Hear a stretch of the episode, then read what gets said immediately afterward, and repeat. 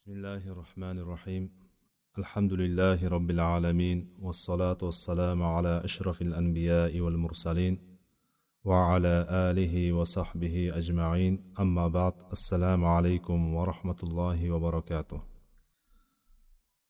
اللهم علمنا ما ينفعنا وانفعنا بما علمتنا وزدنا علما يا عليم يا حكيم رب اشرح لي صدري ويسر لي أمري وحلل عقدة من لساني يفقه قولي. اللهم اجعلنا من الذين يستمعون القول فيتبعون أحسنه. وبالله نستعين.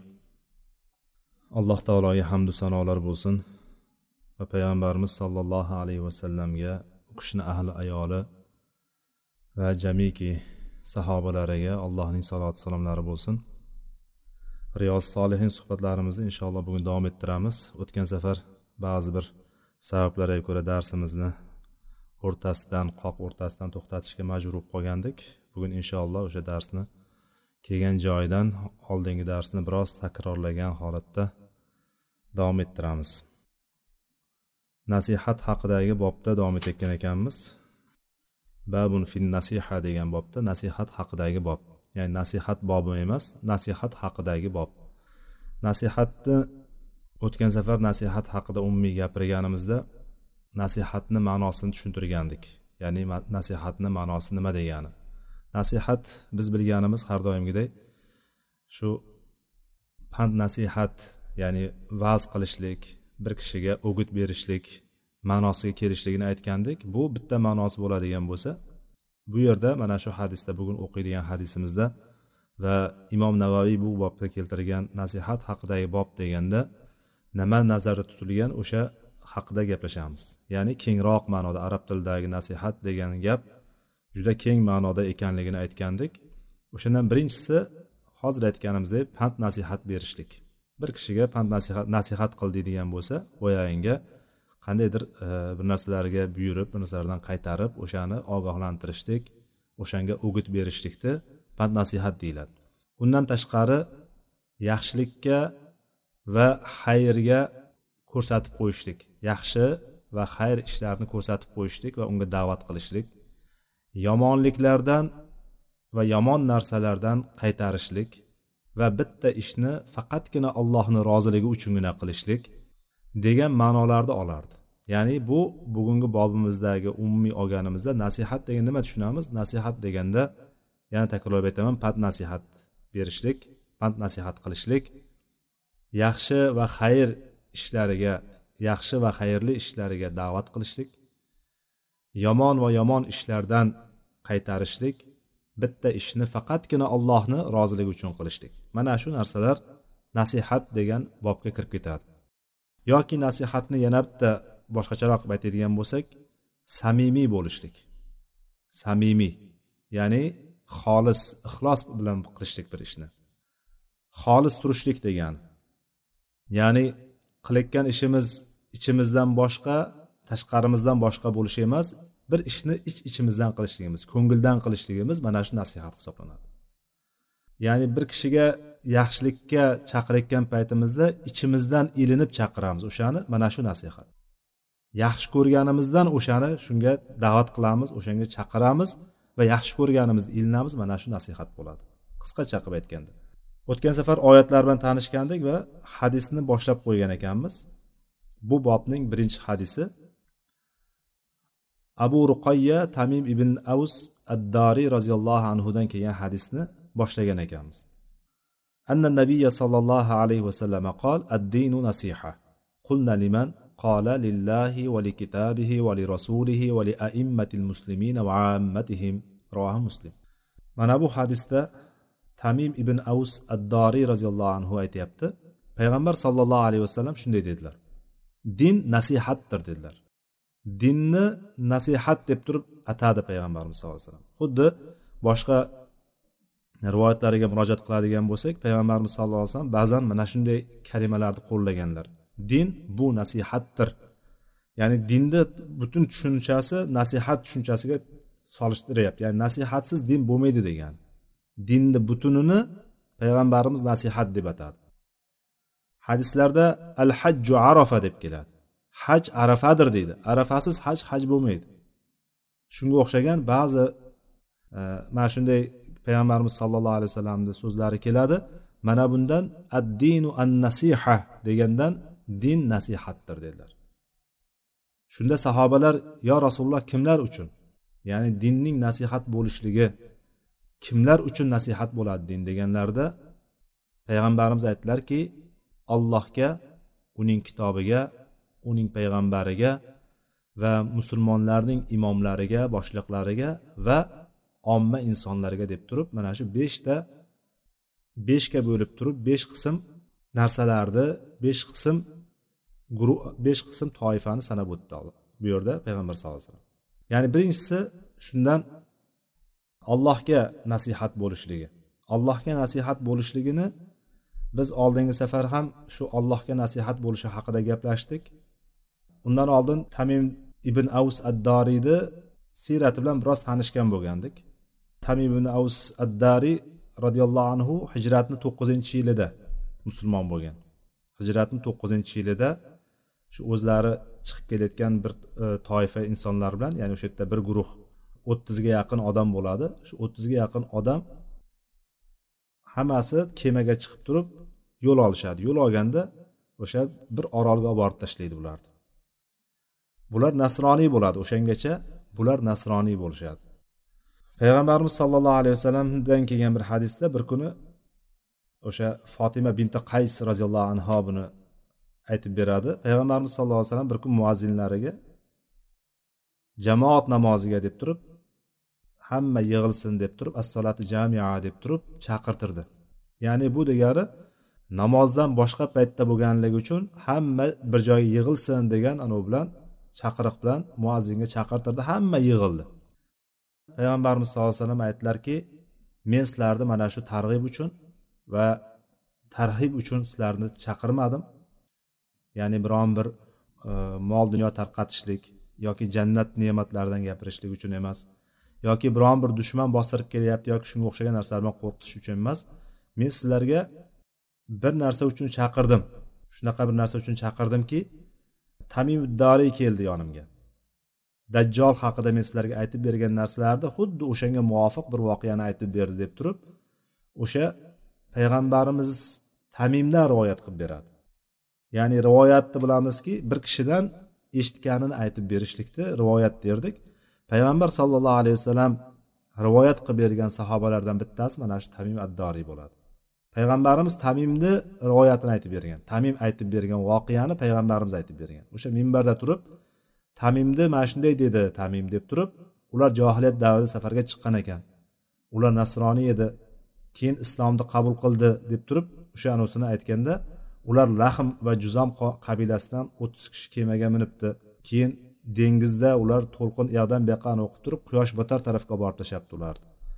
Ular dengizda bir orolga borib to'xtalgandan keyin orolga tushib qayerga borishini bilmasdan turgan paytda oldiga bir butun hamma tomoni pahmoq bo'lgan junli bo'lgan ya'ni hatto yuzi ham orqa oldi bilib bo'lmaydigan darajadagi orqasini oldidan ajratib bo'lmaydigan darajadagi. Masalan hozirgi kunlarda bir biroz akramaulloh ya'ni bir itni misol qilib oladigan bo'lsak junli it boyagi laycha itlar bo'lardi masalan. Hamma tomoni jun qo'ygan oldimi orqasimi bosh tarafi qaysi orqa tarafi qaysi bilinmaydigan darajada xuddi o'shanga tasavvur qilishlik uchun aytyapman buni. Xuddi shunday yungni shunaqa paxmoq bo'lib turib yungi juni shunaqa ko'pligidan oldi bilan orqasi ajratib bo'lmaydigan darajada bittasi keldi. Biz qo'rqib ketdik. Shunda sen kimsan degan paytda men jassosaman deydi. Jassosa deb turib o'zini e, otini aytadi.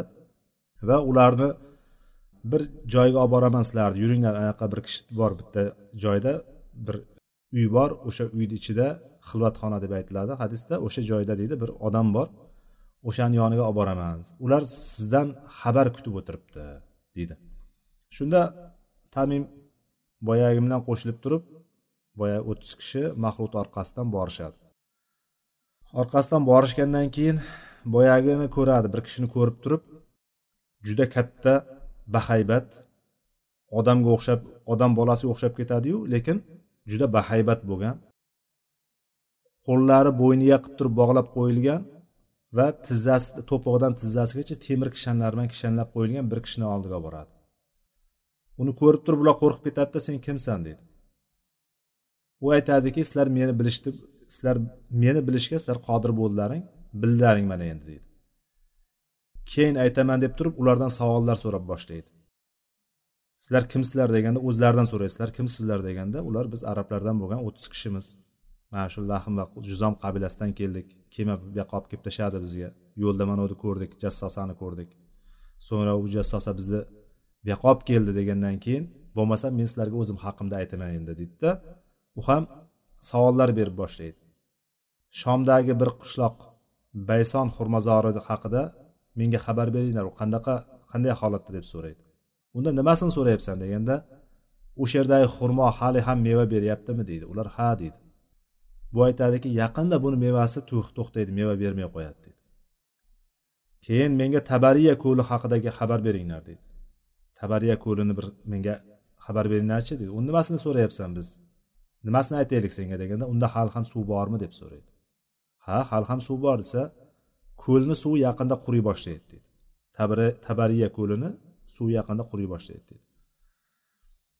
Keyin zug'ar buloq degan bir haqida zug'ar buloq degan joy haqida menga xabar beringlar. O'sha yerda buloqda hali ham suv bormi deydi. Odamlar o'sha buloqdan suv suv bilan sug'orishyaptimi deb so'raganda ular ha hali ham ishlatyapti buni. Bu o'lik dengizni yaqinida bo'lgan bir anavi ekan. Hozirgi kunda qurib bitgan lekin bu.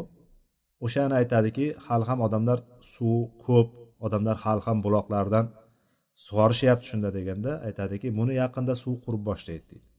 Ya'ni o'sha paytda bu kishi xabar bergan hozirgi oyoq qo'li kishanlangan odam xabar berayotgan mana bu buloq hozirgi kunda qurib bo'lgan.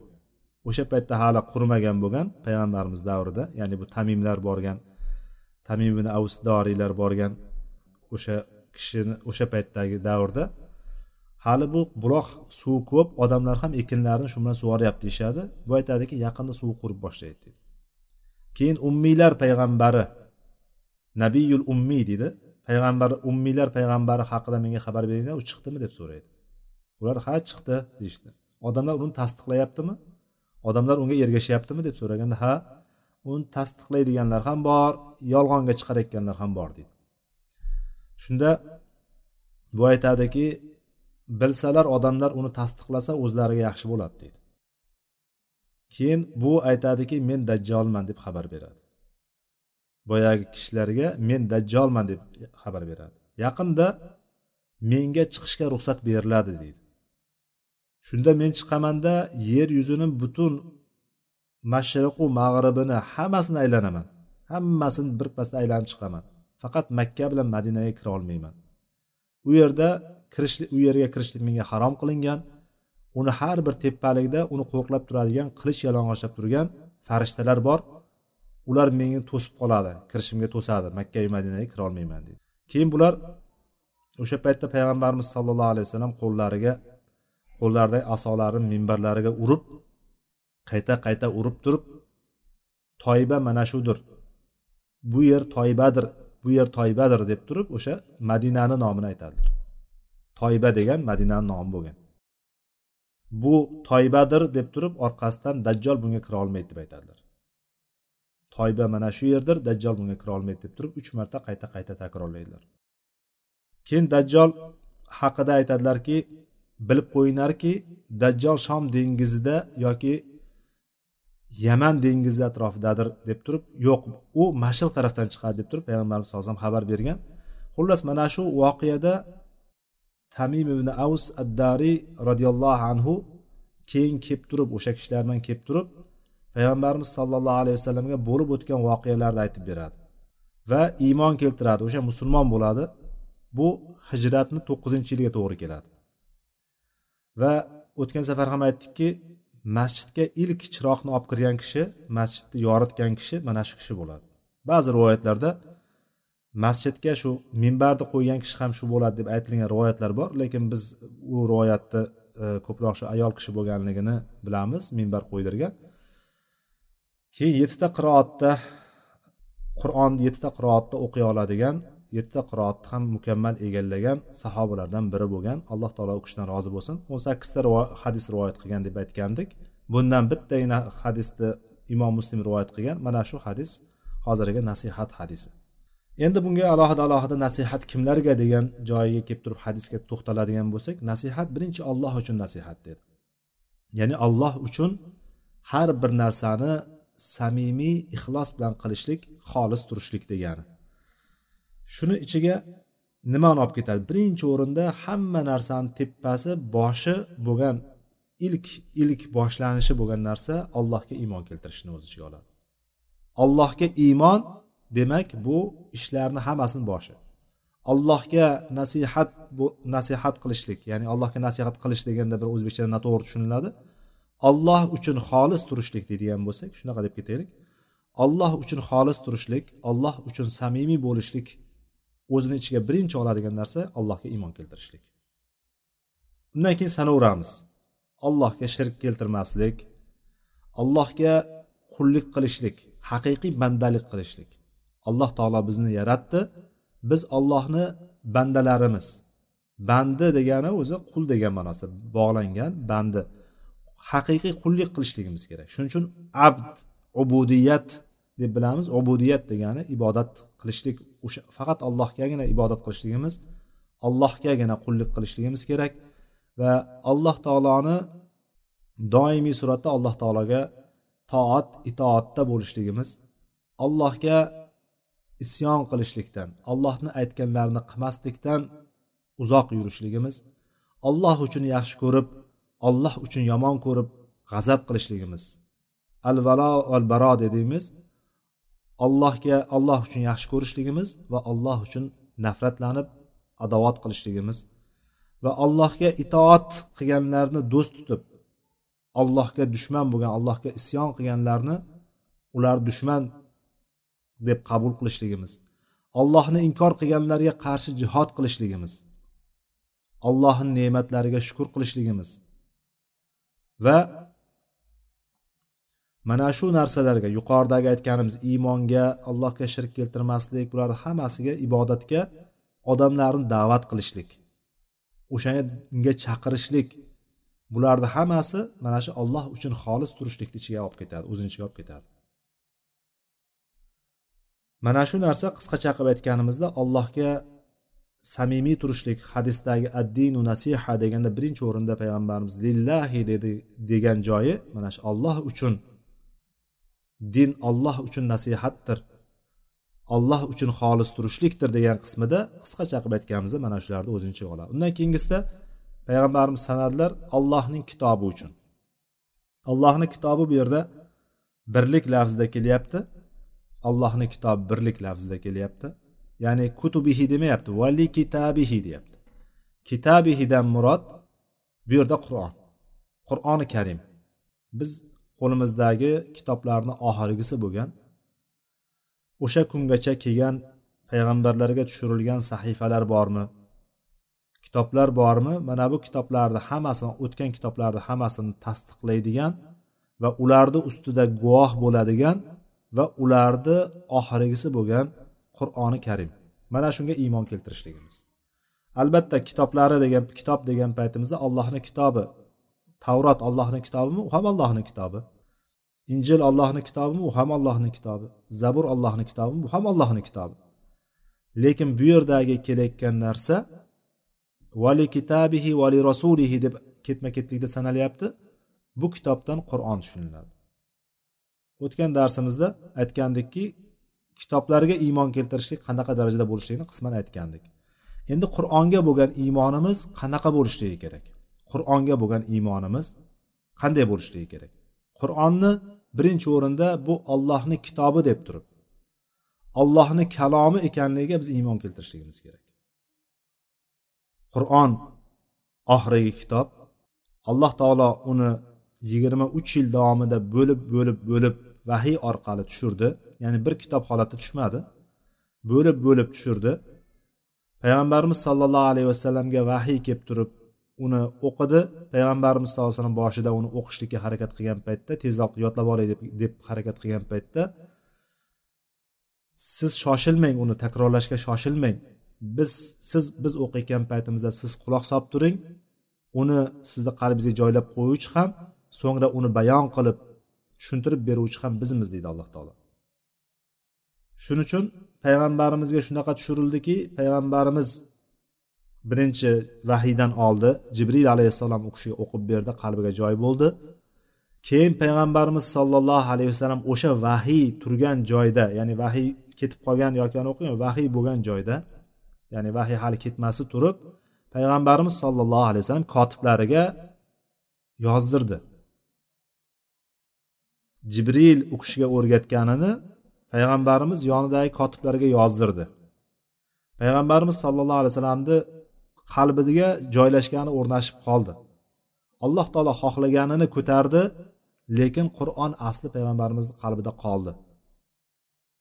Yonidagi kotiblar bitta kotib emas bir necha kotiblar yonimizda yonida payg'ambarimiz sallallohu alayhi vasallamni yonida yozdi. O'sha paytda qog'ozlar boshqalar bo'lmagan. Terilariga toshlariga daraxt po'stoqlariga degandek shunaqa qilib turib yozishdi. Ya'ni payg'ambarimiz sallallohu alayhi vasallamga kelgan qur'on shu tarzda ularga yozildi ya'ni bo'lak bo'lak bo'lib turib yozildi. Yozilmadi emas yozildi bu narsa. Bunga ilk o'rinda ollohni guvohligi tepa olloh kuzatib turibdi buni. Undan keyin yonida payg'ambarimizni yonida farishta jibril vahiy keltirib turgan jibril turibdi. Va payg'ambarimizni qalbiga jo bo'lgan narsa yozdirilyapti bu yozib qolinyapti. Mana shu tarzda yigirma uch yil davomida voqealarga monan sahobalarni holatlariga ma'naviy ruhiy holatlariga mos ravishda qur'on nozil bo'ldi. Va oxirida bir butun bo'ldi. O'shanda qur'on bir butun bo'ldi. O'sha holatda undan keyingi sahobalar davrida abu bakr davrida ba'zi bir sabablarga qorilarni ko'pini halok bo'lib ketib qolayotganligi jang maydonlarida shahid bo'lib ketib qolayotganligi sababi bilan hammasi bir joyga to'planishlikka qaror berildi va buni bunga bir hay'at to'plandi. Hay'at boshiga zayd ibn sobit roziyallohu anhuni qo'ydi. Payg'ambarimizni eng mashhur kotiblaridan bo'lgan zayd ibn sobit roziyallohu anhu shularni boshchiligida har bir tarqab ketgan yozilib payg'ambarimizni yonida yozilganligi aniq bo'lgan guvohlar bilan kelardi payg'ambarimizni yonida yozilgan bu mana shu deb turib ikkita guvoh bilan kelib turib yoddan bilganligi yetmagan ya'ni yoddan bilganligi kifoyalanilmagan. Oyatlar to'planayotgan paytda payg'ambarimizni yonida yozilganligiga yuzda yuz hech qanaqa bir ikkilanish bo'lmagan holatda hatto guvohlar olib kelib turib payg'ambarimiz yonida yozildi mana degandan keyin qabul qilib olgan. Shunaqa katta mas'uliyatni zayd ibn sobit olgan bo'yniga. Va keyin bu narsa o'zlarini yodlaganlari bilan solishtirib turib bir joyga bitta katta hammasi to'planganda o'sha abu bakr davri to'plandi. Usmon roziyallohu anhu davriga kelib turib bu narsa ko'paytirildi keyin. Usmoniy bosma qilib turib ko'paytirildi. Xullas mana shu tarzda hozirgi kunimizgacha kelayotgan narsada bironta harf o'zgarmagan holatda kelyapti va qiyomat kunigacha bu narsani alloh taolo o'zi saqlashlikni o'z zimmasiga olgan qur'on o'zgarmasdan qoladi. Ya'ni bu narsa silsila bo'lib davom etib kelyapti. Ya'ni qur'onni biron joyini o'zgartirib qo'ysa birontasi qasd qilib turib qur'onga o'xshagan qur'onni chiqarsada ba'zi betlaridagi so'zlarni o'zgartirib qo'ysa bo'lmaydimi? Buni qilolmaydi. Chunki bu narsa bizda qur'onni faqat qur'ondan qarab turib yodlashlik inson o'zicha yodlashligi mumkin emas qur'onni. Qur'onni albatta bir ustoz bilan yodlashligi kerak bo'ladi. Yodlagandan keyin o'sha tekshiriladi. O'sha yodlagan narsasi tekshiriladi to'g'ri o'qiyapti noto'g'ri o'qiyapti. Mana shular shuning uchun islom dushmanlari eng katta dushmanligini qur'onga qaratdi lekin qur'onni birontasini ham yo'q qilishiga harakat qilgani bilan dunyoda eng ko'p tarqalgan kitob va eng ko'p o'qilinadigan eng ko'p yodlanadigan kitob bu qur'on bo'lib qoldi baribir. Chunki bu narsani alloh taolo o'z zimmasiga olgan. Qiyomat kunigacha demak alloh tarafdan bu qur'on alloh tarafidan keldi va qiyomatga yaqin allohga yana qaytariladi. Ko'tariladi. Qur'on yerda qolmaydi. Ollohni huzuriga qayta ko'tariladi. Qur'onga iymon keltirishlik mana qur'onga nasihat deganimiz qur'onga xolis turishlik deganimizni ichiga qur'ondagi har bir narsalarni hech bir kalima bandalarni insonlarni so'zlariga o'xshamaydigan insonlar hammasi birlashib bo'lsa ham bitta sura ham keltira olmaydigan deb turib iymon keltirishlik. Va uni yodlashlik o'qishlik va yodlashlikka harakat qilishlik. Bugungi kunda aksariyat odamlarimiz o'zbeklarimiz qur'onni o'qishni bilmaydi ko'pchilik. Aksariyati o'qishni bilmaydi. Aksariyat desak yanglish bo'lmaydi. Necha yillab namoz o'qib yurgan ro'zasini tutib hajlarga borib kelgan odamlarni ham ko'rsangiz ko'pi qur'on o'qishni bilmaydi. Buni har bir harfiga hasanot beriladi. Alif bir harf lom bir harf mim bir harf degan payg'ambar sallallohu alayhi vasallam. Sizlarni yaxshilaringiz qur'onni o'qib o'rganib o'rgatganlaringiz degan hadislar tursa qarshimizda. Uni o'qishlikni o'zi agarchi ma'nosini tushunmasdan turib bo'lsa ham tilovat qilishni o'zi ajr savob olib beradigan ibodat bo'ladigan bo'lsa boshqa hech qaysi kitob unaqa emas shunaqa bo'ladigan bo'lgan taqdirda ham biz ummat mana shu narsaga e'tiborsizmiz. Demak bu qur'onga nasihat deganimizda qur'onga nisbatan qur'on uchun xolis turishlik deganimizda mana bu hadisdan oladigan narsamiz qur'onni o'qishlik va imkon qadar yodlashga harakat qilishligimiz kerak. Yodlaganimizni ham takror qilishlikka harakat qilishligimiz kerak. Chunki bunda insonda ilm paydo bo'ladi. Qalbi nafsi tozalanadi. Sof holga keladi. Insonni taqvosi ortadi. Shu bilan birga bu narsa qur'on katta savob olib berishligi bilan birga har bir harfiga katta katta savoblar olib berishligi bilan birga qur'on ertaga qiyomat kunida shafoatchi bo'ladi. Shafoat nimaligini bilamiz. Ya'ni bizga orachi bo'lib beradi. Allohdan bizni gunohlarimizni afv qilishini gunohlarimizni mag'firat qilishligini bizni do'zaxga tushib ketmasligimizdan saqlab ollohdan so'rab beradigan degani so'rab beruvchi bir kishiga o'rtaga tushib turib o'shani so'rab beruvchi shafoatchi bo'ladi. Qur'on shafoat bo'ladi. Hadislarda baqara bilan oli imron surasi oldiga tushib banda agar o'shani hayotida o'shalarga o'qib turib o'shani o'rganib o'shanga amal qilgan bo'ladigan bo'lsa baqara bilan oli imron oldiga tushib kelar ekan ya'ni bu deganimiz yozuvlar tushib kelmaydi. Inson shakliga ya'ni amallarni ertaga qiyomat kunida amallar mana shunaqa holatlarga kiradi ekan. Alloh taolo har ishga qodir. Xohlasa to'rt oyoqli yurg'izib qo'ygan xohlasa ikki oyoq bilan yurg'izib qo'ygan xohlasa badanmi yurg'izib qo'ygan zot xohlasa ertaga yuzi bilan yurg'izib qo'yadi insonlarni. Xohlasa mana shunday amallarni biz ma'naviy deb bilgan narsalarimizni moddiy bizni ko'zimizga ko'rinadigan bir amal qilib qo'yadi.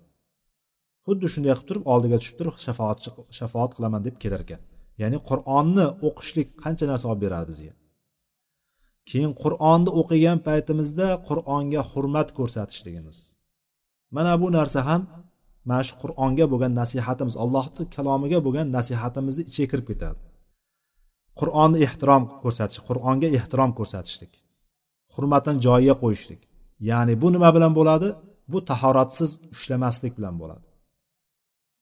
G'usul vojib bo'lgan holatda qo'limizga qur'onni olmasligimiz bilan bo'ladi. Ayollar uzrli paytlarida qur'onni o'qimasligi bilan bo'ladi. Bunga sahih dalil yo'qku. Albatta sahih dalilni sahih dalil yo'qku deb turib odamlar biroz erkinsib ketib qolgan bu narsada. Biroz keng bo'lib ketib qolib turib qur'onga hurmat degan narsa hech narsa qolmagan. Ba'zilarni holatiga qarab turib juda oshirib yuborgan bular deb turib o'shalarga go'yoki ularni bidat ish qilayotgandek qilib turib nazar bilan qarashlik bu musibatimiz bizda. Qur'on agar bizni hurmat ko'rsatishligimiz kerak bo'lgan narsalarda qo'yadigan bo'lsak birinchi o'rinda qur'on keladi. Shuni yaxshi bilib olaylik. Hurmat ko'rsatishlik kerak bo'lgan narsalarimiz bo'ladigan bo'lsa birinchi o'rinda qur'on keladi. Qur'onni hurmat ko'rsatishlikni birinchisi tahoratsiz ushlamaslik. Ustida g'ilofi bor bo'ladigan bo'lsa joiz ushlaslik lekin olimlar o'shani ochib o'qishlik uchun varaqlab o'qishlik uchun bunga tahorat bo'lganligi afzal deyishadi. Agarchi hadislar zaif kelgan bo'lsa ham bu narsa qur'onga bo'lgan hurmatni o'zini ichiga olib ketadi deydi. O'shani tahoratsiz ushlamaslik. Ba'zi olimlar hattoki tahoratsiz bo'lgan paytda yoddan o'qimaslikka ham tavsiya qilishgan. Yoddan ham o'qimaslik tavsiya qilishgan. Hozirgi kundagi ba'zi bir e, sahih hadis yo'q ekan deb turib qattiqroq olganlar bemalolroq bo'lib ketib qolganlar hattoki uzrli paytlarda ham hayz nifos paytlarida ham o'qishga o'qib yuborgan yo'l qo'yorgan bu narsadan uzoq turishlik kerak. Endi ikkinchi taraf bor qur'oniy oyatlar duo bo'ladigan bo'lsa oyat al kursini duo qilib o'qiysizmi yoki ixlos yoki annas yoki e, falaq suralari yoki boshqa boshqa duo sifatida o'qilinadigan oyatlar bor suralar bor. Qisqa mana bularni o'qisa bo'ladimi? Olimlar duo o'qiyapman degan niyat bilan xuddi duo o'qiyotgandek o'qisa bo'ladi deydi. Lekin qur'onni o'zini o'qishlikka olimlarni aksariyati ruxsat bermagan. Hatto payg'ambar sallallohu alayhi vasallam bir safar sahihda keladi. Payg'ambar sallallohu alayhi vasallam tahorat ushlatayotgandi bir kishi keldi salom berdi. Ya'ni payg'ambar sallallohu alayhi vasallam balki tahorat ushlatayotganligini ko'rmadi. Ya'ni baul qilayotgandilar. Ba'zan shu tahorat ushlatish deganda ba'zan ba'zilar e, tahorat olyapti deb tushunib qolmasin uchun yana kengaytirib ketyapman orqadan salom berganda payg'ambarimiz salom olmadi. Hattoki kelib turib tayammum qildilar. O'sha yaqin o'rtada bir devorga o'xshagan joyga bir tayammum qildilarda keyin salomga alik oldilar. Va sababini aytdiki men tahoratsiz holatda allohni zikr qilishni yaxshi ko'rmayman dedilar. Yomon ko'raman ya'ni o'shani yoqtirmayman dedilar. Hattoki allohni ismi ichida bo'lgan allohni ismi bo'lgan salom ismi bo'lgan va alaykumussalam degandagi salom ismini ichiga olgan allohni zikri bo'lganligi uchun nomi bo'lganligi uchun payg'ambarimiz o'shani ham tahoratsiz aytishlikdan saqlanganlar. Shunaqa payg'ambarni ummatimiz biz. Biz kimga iqtido qilishligimiz kerak?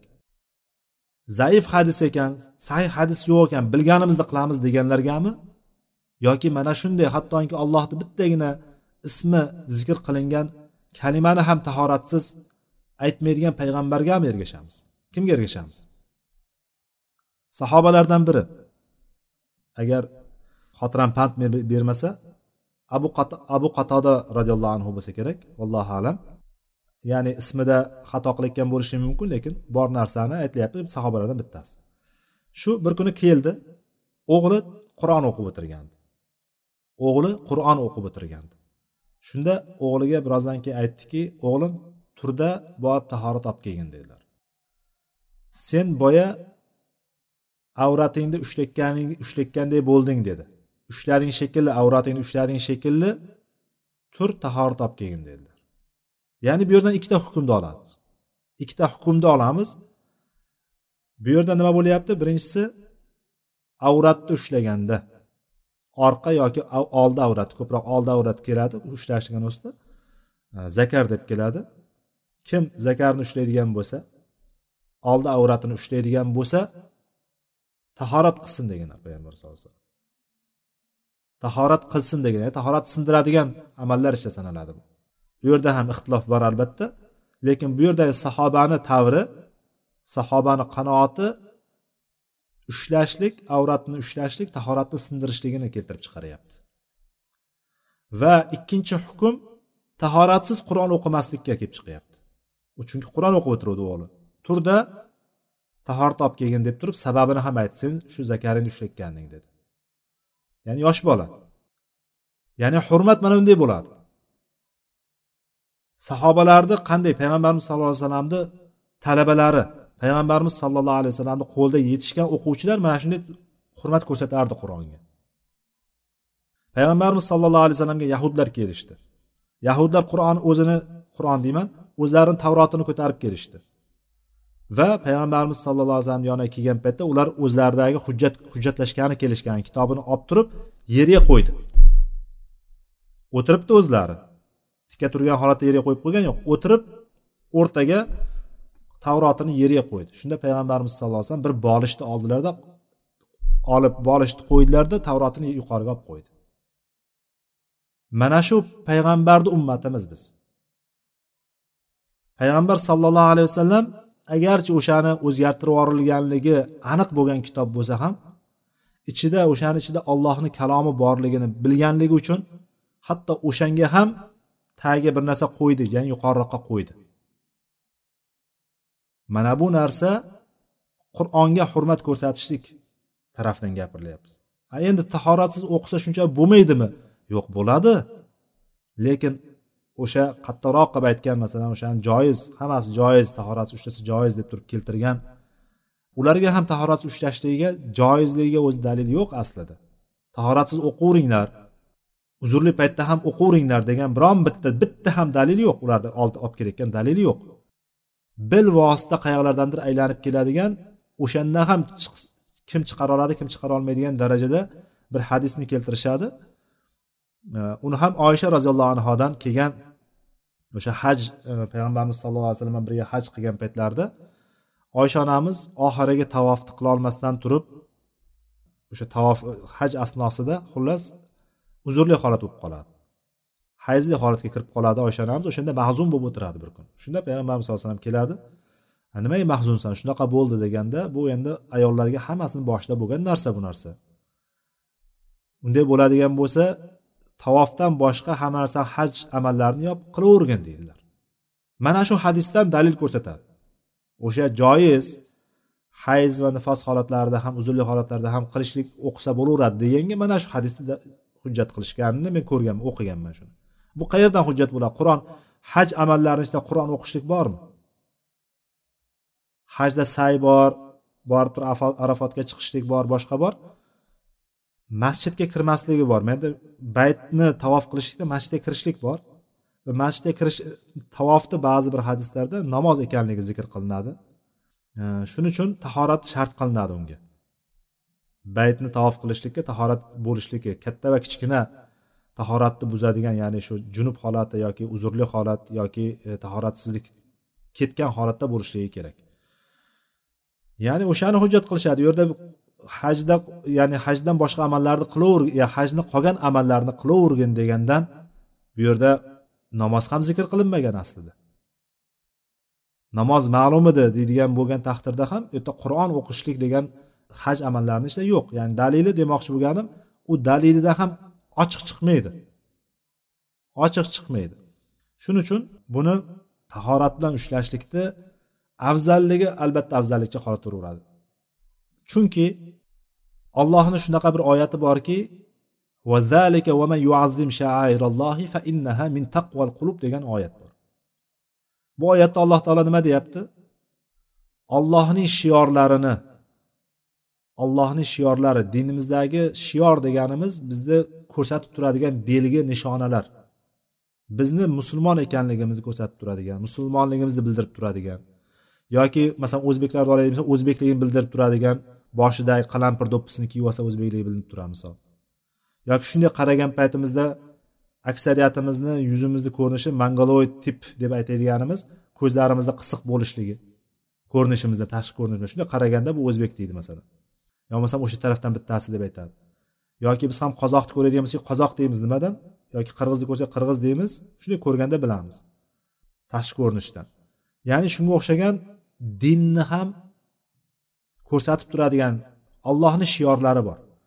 Mana shu shiorlarni ollohni shiorlarini kim ulug'laydigan bo'lsa albatta bu qalblarning taqvosidandir deb aytadi alloh taolo.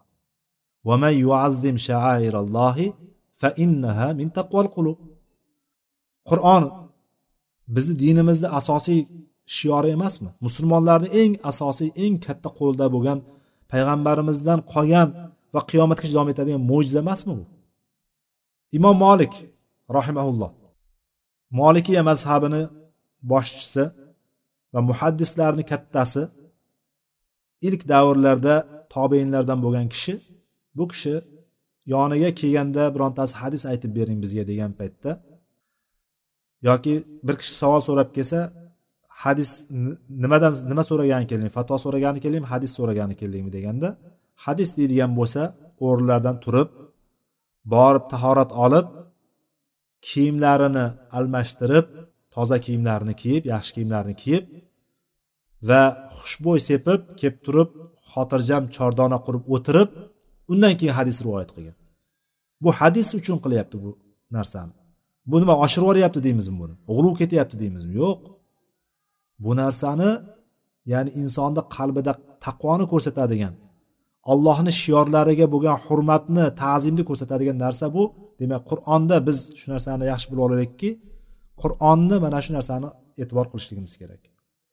Uyda qo'ygan paytimizda bizga eng kerakli bo'lgan narsalar pastda turadigan bo'lsa pastda tursin. Uni bir zarari yo'q. Pastga qo'yib qo'yadigan bo'lsak uyimizda baland joy yo'q bo'ladigan bo'lsa pastga qo'yib qo'ysak uni biz xorlashlik uchun pastga qo'ygan bo'lmaymiz. Lekin pastga qo'yayotgan paytimizda o'sha pastda oyoq kiyimlarimiz turadigan joyni yoniga qo'yib qo'yishligimiz bu bizni oyoq osti qilayotgan bo'lamiz o'shanda. Oyoq kiyimlar turadigan joyga yaqin qo'yib qo'yadi yoki paypoqlarimizni yechib tashlab qo'yadigan joyga qur'onni qo'yishligimiz nima bo'ladi? Bu narsa oyoq osti qilayotgan bo'lamiz. Hurmatini to'kayotgan poymol qilayotgan bo'lamiz. Demak imkonimiz bo'ladigan bo'lsa tepaga olib qo'yamiz. Lekin qur'onni yerga qo'yib o'qishlik mumkinmi? Mumkin. Bu narsada bir qo'rqinchli bir narsa yo'q. Yer toza bo'ladigan toza yer bo'ladigan bo'lsa bemalol qo'yib o'qishligimiz mumkin. Lekin tagiga biron bir narsa qo'yib turib o'qishligimiz agar bo'ladigan bo'lsa bu albatta afzal. Biz afzal tarafga qarab yursakkina biz oldinga qarab siljaymiz. Dinda afzal tarafga qarab yurishligimiz kerak. Demak qur'onni hurmat ko'rsatishlik mana shu bilan bo'ladi ekan. Ya'ni uni nojoiz bo'lgan past joylarga iflos joylarga yoki boyagi biz haqir sanaydigan joylarga qo'ymaslik tahorat bilan o'qishlik tahorat bilan qo'lga ushlashlik degan narsalarni o'z ichiga olib ketadi qur'onga bo'lgan samimiyligimiz yana qur'onni ma'nolarini tushunishlikka harakat qilishligimiz. Qur'on bizga nima deyapti? O'shani tafakkur qilishligimiz kerak. Va tadabbur bu oyatlarni orqasi oqibati nimaga dalolat qilyapti degan narsalarni biz tafakkur tadabburga biz buyurilganmiz. Faqatgina o'qib qo'yishlikka kifoyalanmaymiz. Uning uchun biz demak qur'onni ma'nolarini o'qib turishligimiz kerak tafsirlarni eshitib turishligimiz kerak yoki tafsirlarni o'qib turishligimiz kerak. Bir oyatni ustida biz tushunmovchilik kelib chiqib qoladigan bo'lsa ahli ilmlarga murojaat qilib turib o'shani o'rganishligimiz kerak. Yana qur'onga samimiy turishlikdan yana bittasi uni o'zimizdan keyingi nasllarga avlodlarga qoldirishligimiz meros qilib meros qoldirganimizdek qur'on o'qishni qur'onni ma'nolarini o'rganishlikni qur'on tafsir o'qishlikni mana bularni hammasini o'zimizni farzandlarimizga nevaralarimizga bu narsani o'rgatib qoldirishimiz kerak ekan. Uning uchun birinchi o'rgatishligimiz uchun birinchi nima kerak? O'zimiz o'rganishligimiz kerak. Kundalik dastur qilib olishligimiz kerak. Qur'on o'qiydigan qur'onni ma'nolarini tushunishga harakat qiladigan qur'on darslarni eshitishga o'zimizga bir odat qilishligimiz kerak bu narsani chunki bu oddiy kalom emas bu ollohni kalomi. Dunyomizni oxiratimiz saodat mana shu kitobga bog'liq mana shu kitobda kelyapti hammasi. Bu kitob bizga foydamizga yoki zararimizga hujjat bo'lishligi mumkin. Al qur'an hujjatan laka au alayka deganlar payg'ambar sallallohu alayhi vasallam imom muslimni rivoyatida. Qur'on seni foydangga hujjat bo'ladi ertaga yoki zararingga hujjat bo'ladi.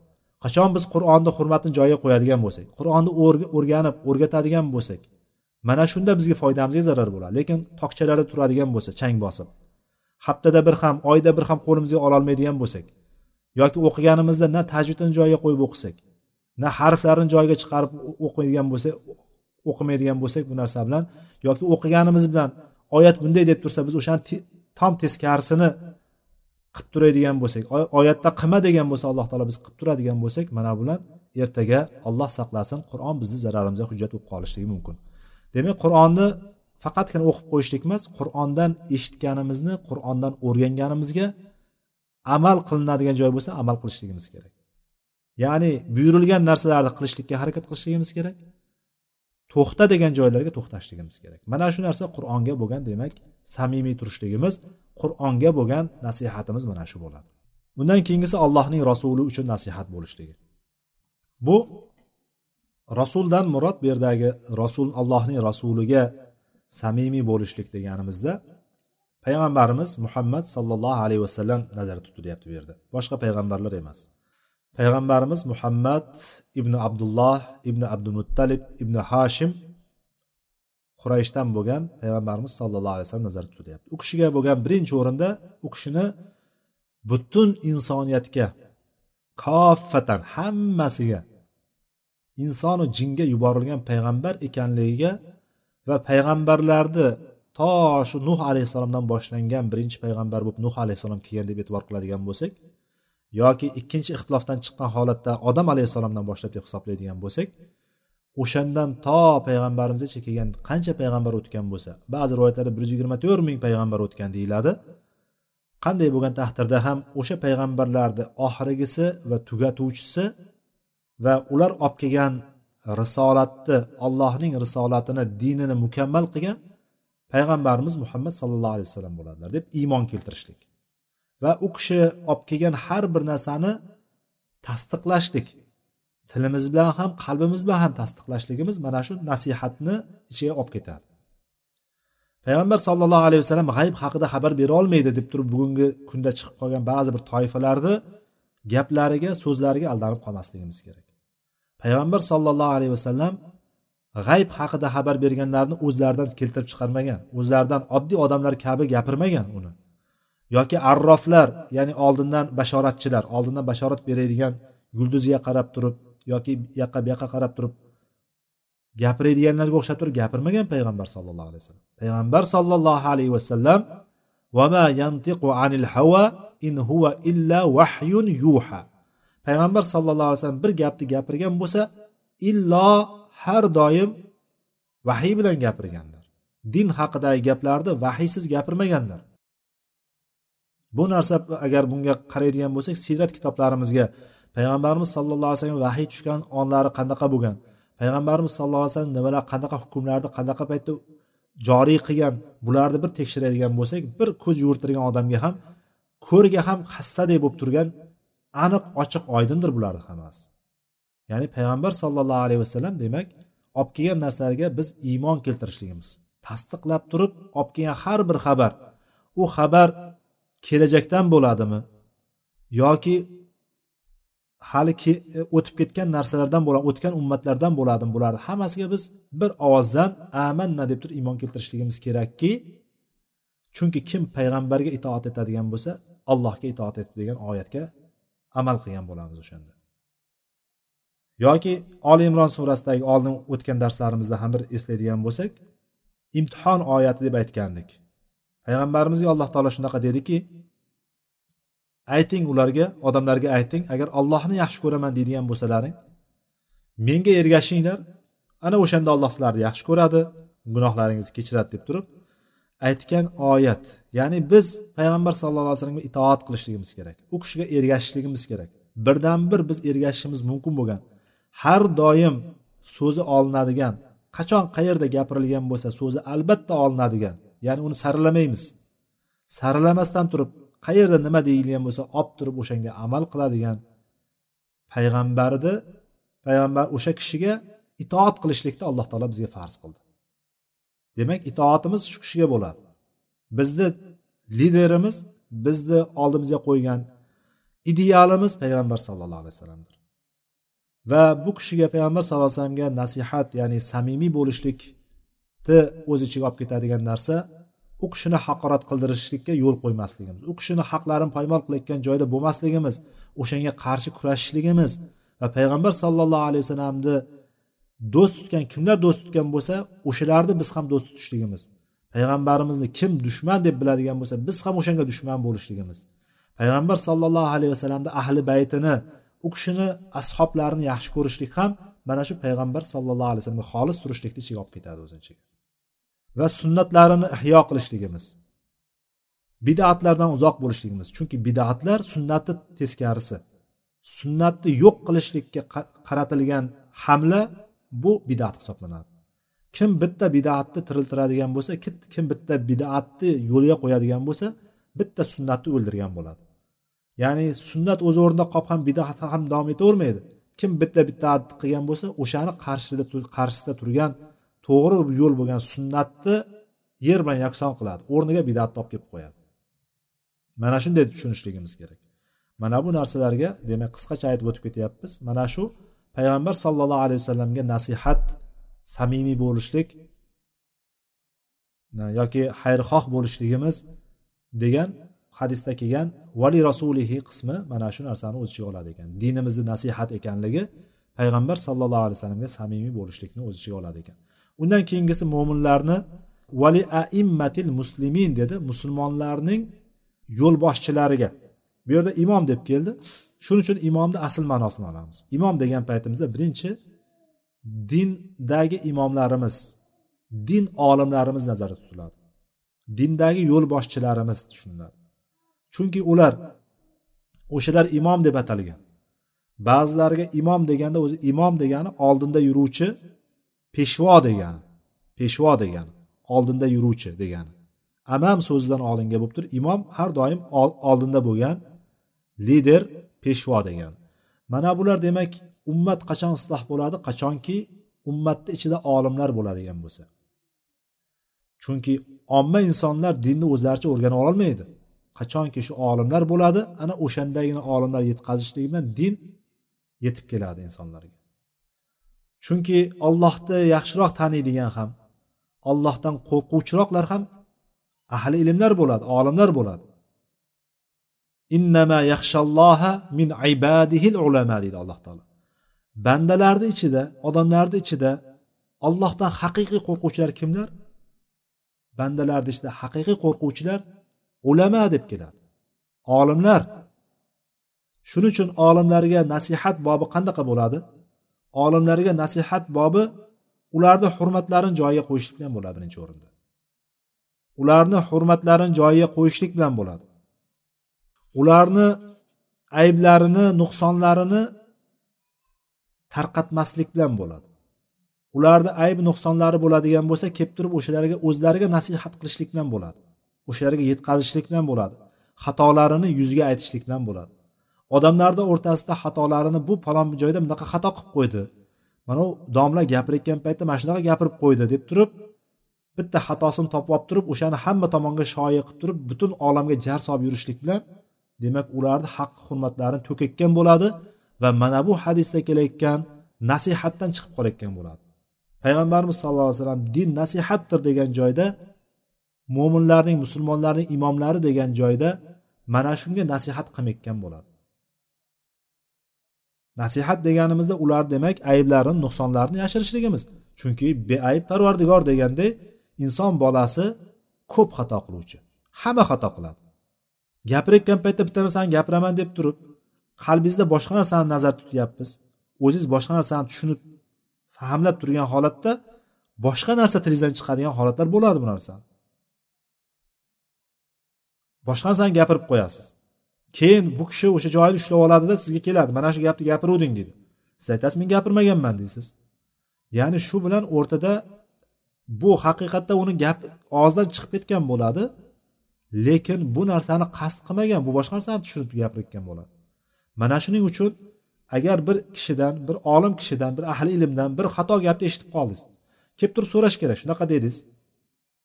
Shu yerda nimani qasd qildingiz deydigan bo'lsa buni gapirmaganman deydigan bo'lsa hozirgi kunda nimalar ko'payib ketdi? Ovozlarni yozib oladigan apparatlar hammasi darslar yozilib hammasi internetlarga qo'yilib odamlarni o'rtasida telefondan unga bundan bunga hamma tomondan tarqalib yotibdi.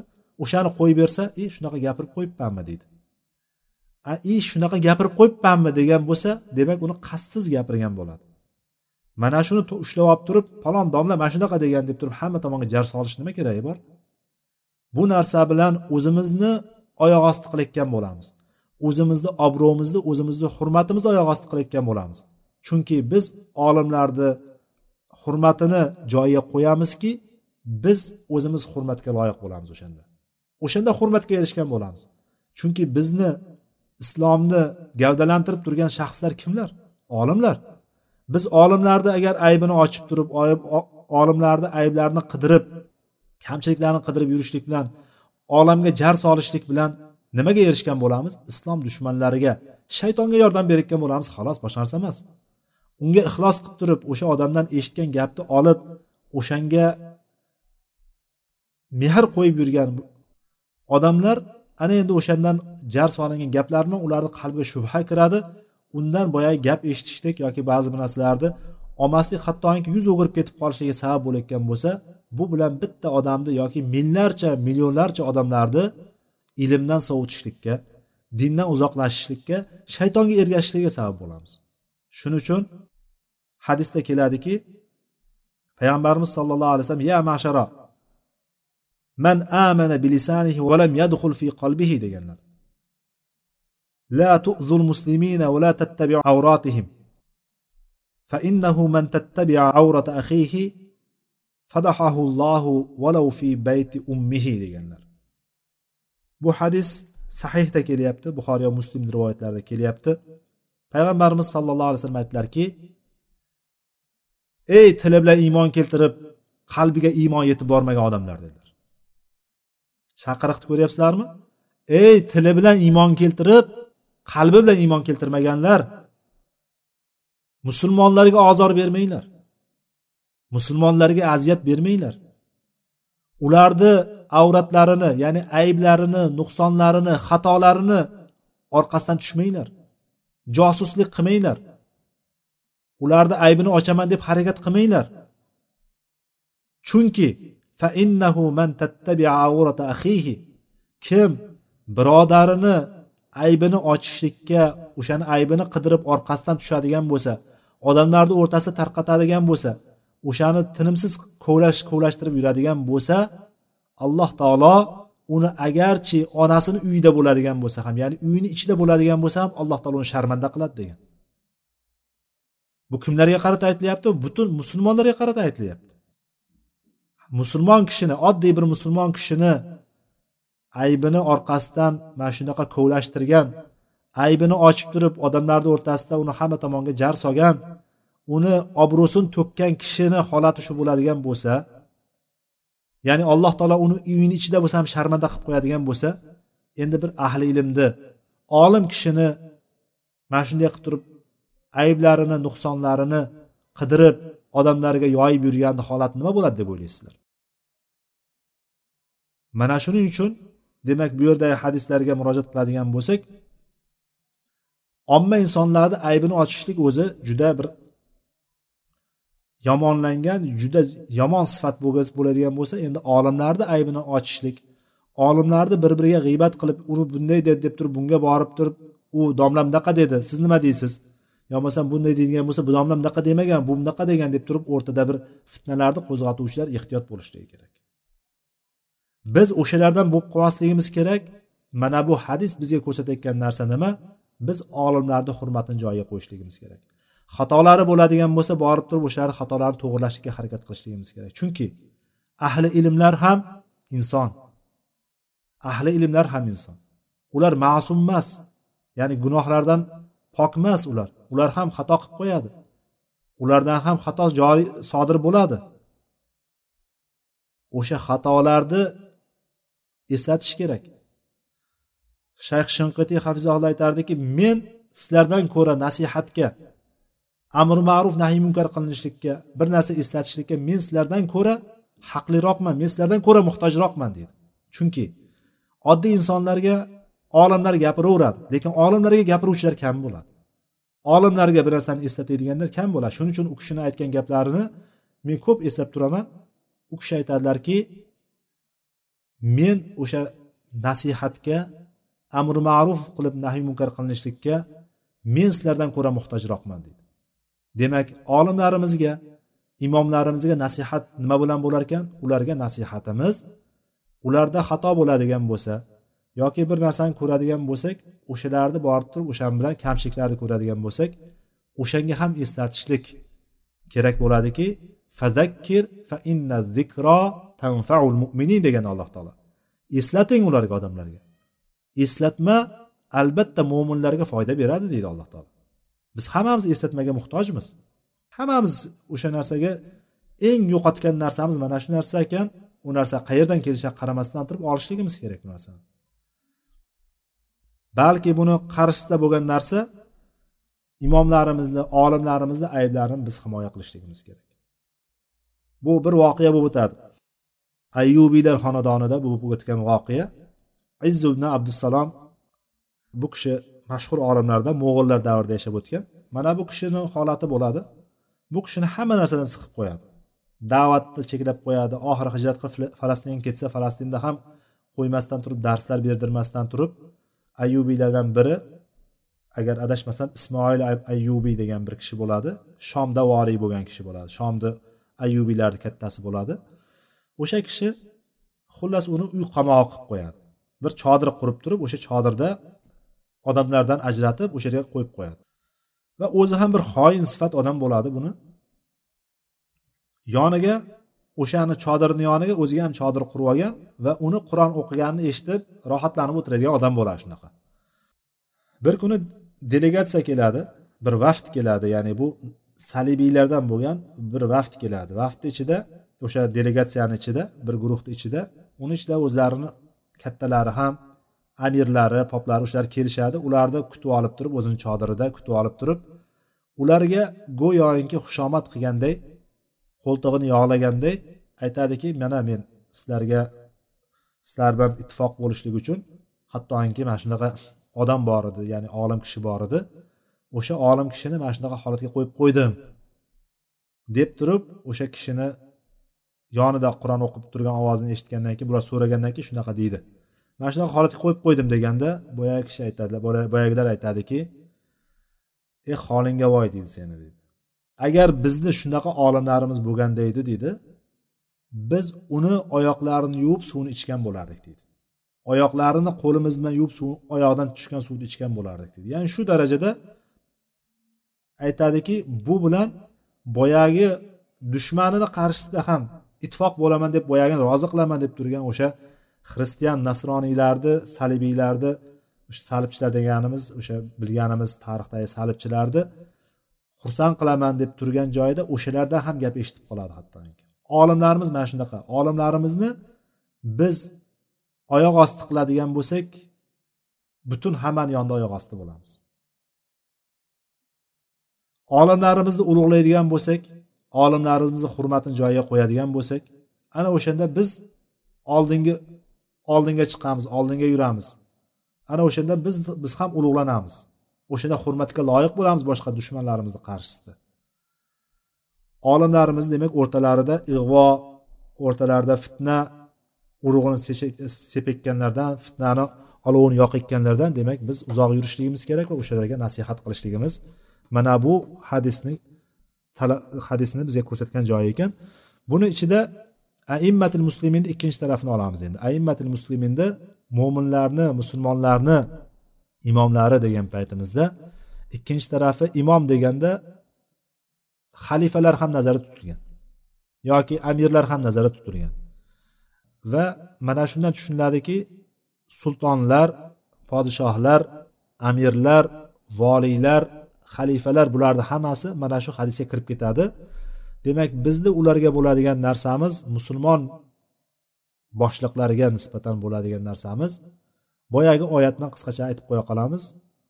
Ey iymon keltirganlar allohga itoat qilinglar rasuliga itoat qilinglar va o'zlaringizdan bo'lgan ish boshliqlaringizga rahbarlaringizga itoat qilinglar degan oyat bizga yetarli.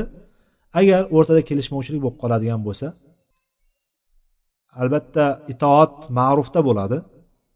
Agar ular osiylikka yoki gunohga yoki o'zlarini xohishlariga davlatni mulkini orttirishga bo'ladigan bo'lsa ularga itoat qilinmaydi aslida.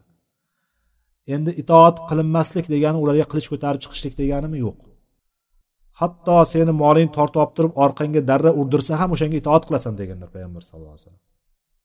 Ya'ni o'zini shart shart shart sharoitlari bor bu narsalarni o'rni kelganda yana gaplashamiz balki oldin ham gaplashgandirmiz. Demak itoat demak ularga ham mana shu nasihat qilishlik. Ularni to'g'ri noto'g'ri ketayotgan yo'lini biz ularga gapira olishligimiz. Ularni xalqni o'rtasida adolat qilishlikka chaqirishligimiz. Mana bu narsalar shuning uchun zolim podshoni yonida zolim boshqaruvchini yonida haq so'zni aytsa o'shani qatl qilibyuborsa shahidlarni saidi bo'ladi deganlar. Mana bu nimadan kelib chiqadi? Demak har kim ham aytolmaydi unaqa boshliqlarni yonida chiqib baralla gapini gapira olmaydi ba'zi joylarda gapirib yotgan hamma bilganini gapirib yotayotgan joylarga qarab turib demokratiya ekan deb o'ylamanglar. Oldiga chiqqan paytda o'sha karillab hamma joyda baqirib baralla ovozi bilan gapirib yotganlar o'shani qarshisiga chiqqanda boshqacharoq gapiradi. Qarshisiga chiqqanda uni aybini yuziga ayta oladigan tarixda kam odamlar bo'lgan. Buni haqiqiy rabboniy imomlarimiz olimlarimizgina gapira olgan kelib turib xalifalarga nasihatini qila olgan. Demak bizni mana shu ularga nasihatimiz qanaqa bo'lar ekan? Ular agar xato ishlarni qilayotgan bo'lsa musulmonlarga zulmni ko'paytirayotgan bo'lsa yoki adolat qilmayotgan bo'lsa noto'g'ri ishlarni qilayotgan bo'lsa kofirlar bilan ish birligi ya'ni bir ittifoq ishlarni olib borayotgan bo'lsa ana o'shalarga qila olsak nasihat qilamiz. Bo'lmasam ular duoyi bad emas duoyi xayr bilan ularni alloh taolodan isloh qilishini so'rashligimiz demak bu nasihatni ichiga kirib ketar ekan. Undan keyingisi oxirgi qismi vali ammatihim hadisda keldi. Va ammatihim musulmonlarni ommasiga. Musulmonlarni ommasiga degan qismimizga hamma narsa kirib ketadi. Buni eng boshida islomiy uquvvat turadi. Musulmon birodarlik turadi. Musulmon birodarlikni qorindan bitta qorindan talashib tushgan qon qarindoshlikdan ham ko'ra mustahkamroq bog' ekanligini o'tgan darslarimizda aytgandik. Ya'ni bu degani o'zingiz uchun yaxshi ko'rgan narsangizni birodaringizga ham yaxshi ko'ra oladigan tabiatda bo'lishligingiz kerak. Unga ham yaxshilikni sog'inadigan yaxshilik sog'ingandan keyin yaxshilikka unga da'vat qiladigan yaxshilikka chaqiradigan uni xato yo'lda ketayotgan bo'lsa o'shanga ichingiz og'riydigan o'shandan qiynaladigan bo'lishingiz kerak. E o'tib ketmaysanmi? Bundan battar bo'lmaysanmi? Menga nima emas? Men o'zimni bilaman emas. Musulmonlar bitta tan bitta jondir. Musulmonlarni bir joyiga agar tikan kirib qoladigan bo'lsa ham hattoki tikan sanchiladigan bo'lsa ham butun badani bezovta bo'ladi. Yoki siz bir joyingizga tikan kiradigan bo'lsa qo'lingizni bir kichkina barmog'ingizga bir tikan kirib ketadigan bo'lsa barmoq o'zing hal qilib olgin deb turib faqat barmoqni o'zigina og'rib qolmaydiki og'rigan joyimizni butun badanimiz bilan his qilamiz. Kerak bo'lsa agar o'sha og'rib tursa kechqurun uyqu uyqudan uyg'onamiz o'shani og'riqdan. Butun bezovta bo'lamiz hattoki o'sha og'riqni ketkazmagunimizcha o'shanga bir marhamini qo'ymagunimizcha yoki o'sha tikanni olib tashlamagunimizcha dorisini dorini ichmagunimizcha ya'ni bir narsa qilmagunimizcha yoki doktorga bormagunimizcha tinchimaymiz ya'ni bu degani bitta mo'min birodarimiz musulmon birodarimiz dunyoni qaysi chetiga bo'lsin qat'iy nazar qiynalib turgan bo'ladigan bo'lsa o'shani qiyinchiligini biz his qilishligimiz kerak. Mana bu ham mana shu mo'minlarga nasihat bobidan hisoblanadi. Va mo'minlarga musulmonlarga nasihat bobi amru ma'ruf nahiy munkar. Qisqacha qilib aytganimizda amru ma'ruf va nahiy munkar qilishligimiz mo'min mo'minni ko'zgusi oynasi deganlar payg'ambar sallallohu alayhi vasallam. Biz bir birimizga oyna bo'la olishligimiz mana bu nasihat hisoblanadi.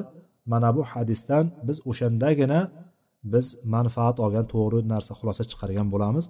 Bundan ikkita hozir ikkita hadis qolgan ekan buni ma'nolarini aytib qo'yamiz. Shu bilan bob e, oxiriga yetadi ekan. Chunki hozirgi hadisni kichkina hadis bo'ladigan bo'lsa ham butun dinni o'zini ichiga qamrab olganligi uchun butun dindagi qisqacha e, muxtasar qilib turib gapirishlikka biz ham majbur bo'ldik.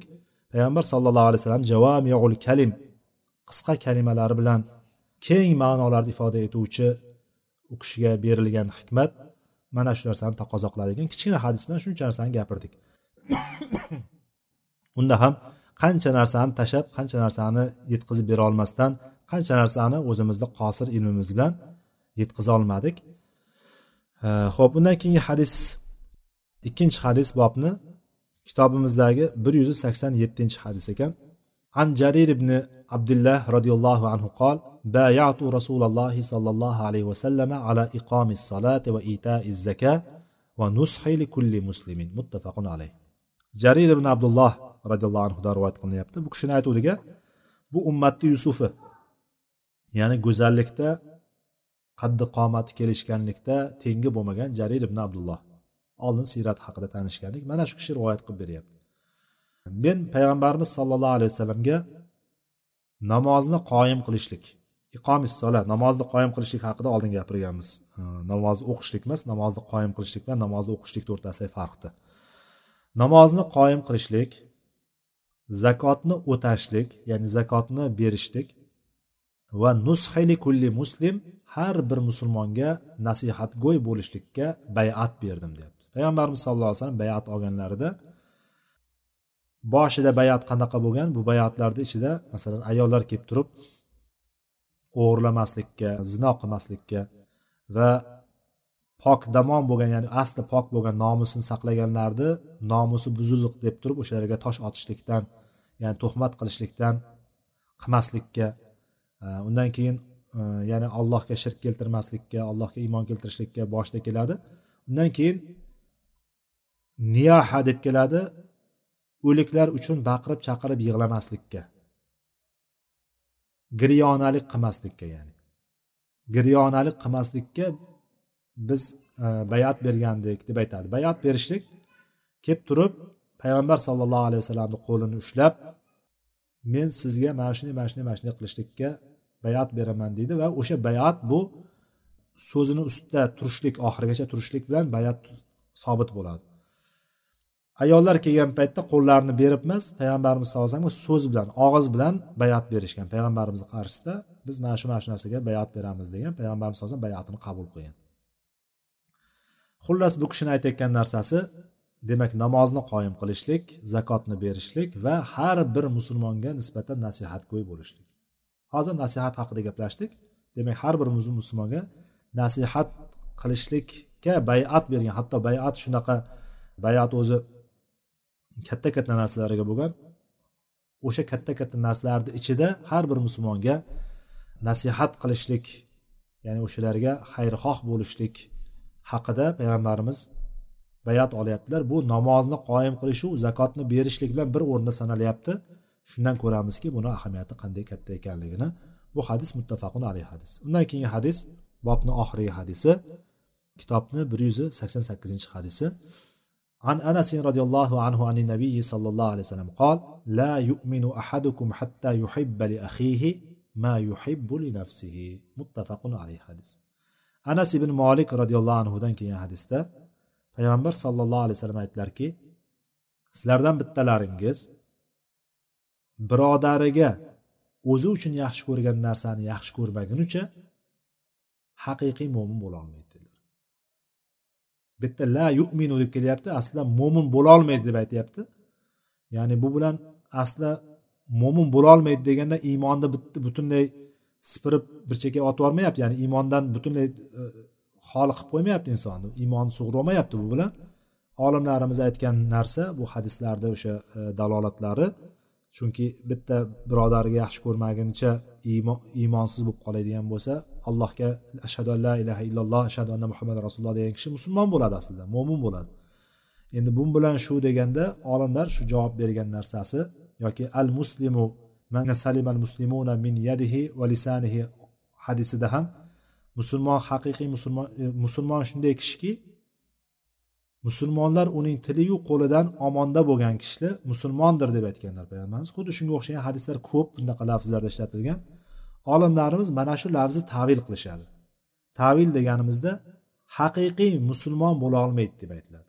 Ya'ni yuqorida aytganimizdek payg'ambarimiz hadisda aytdiku ey tili bilan iymon keltirib qalbi bilan iymon qalbiga iymon kirmaganlar deb xitob qildi. Xuddi shunaqa anavga tushib qoladi. Agar biz o'zimiz uchun yaxshi ko'rib turgan narsamizni birodarimizga ham ilina olmaydigan bo'lsak. Biz ilinadigan narsalarni yaxshi ko'radigan narsalarni eng boshida ma'naviy narsalar turishligi kerak. Chunki ma'naviy narsalar bizni eng ulug'lagan eng o'shanga qiymat bergan narsamiz ma'naviy narsalarimiz. Ya'ni iymonimiz.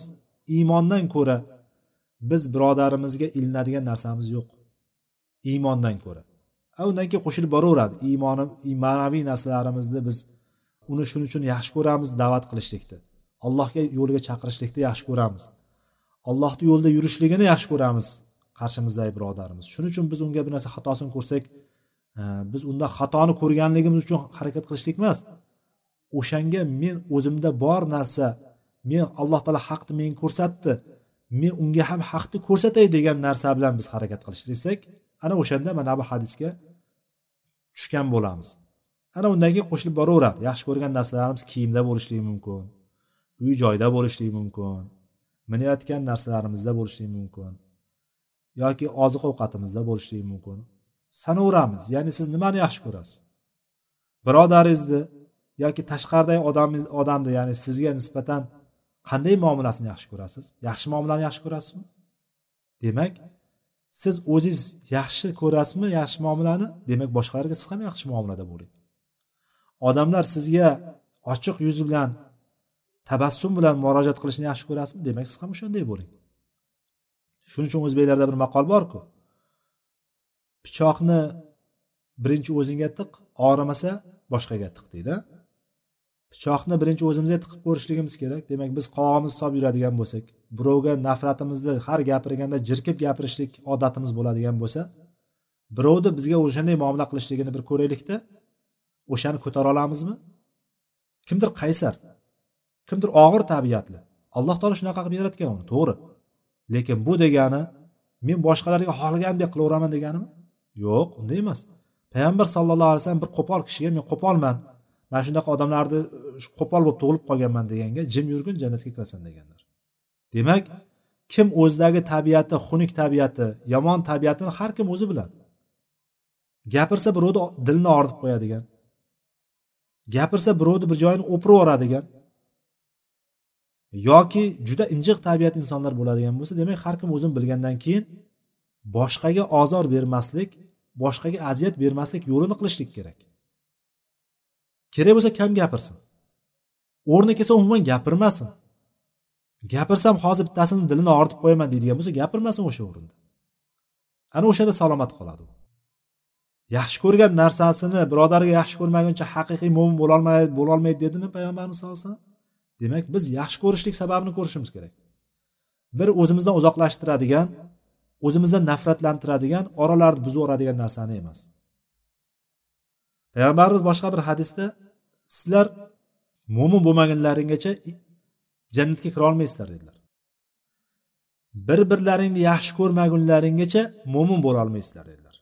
Bir biriga bog'liq hammasi. Demak jannatga kirishligimizga iymon kerak. Iymon bo'lishligi uchun bir birimizni yaxshi ko'rishligimiz kerak.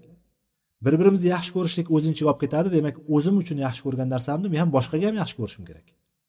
O'shanga ham ilinishim kerak o'sha narsani. Faqat o'zim deyishim kerak emas. Sizlarga orqasidan payg'ambarimiz aytib qo'ydilarki sizlarga bir amalni o'rgatib qo'yaymi? Dalolat qilib qo'yaymi? Ko'rsatib qo'yaymi?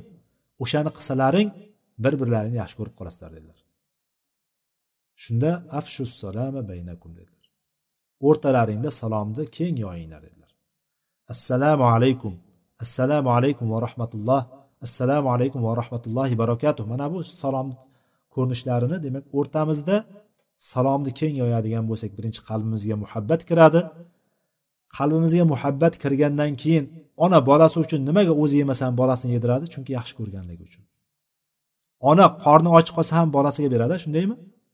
O'sha xurmo oysha onamiz roziyallohu anhuni yoniga bir ayol keladi ikkita bolasini yetalab narsa so'rab kelgan paytda bor xurmoni beradi.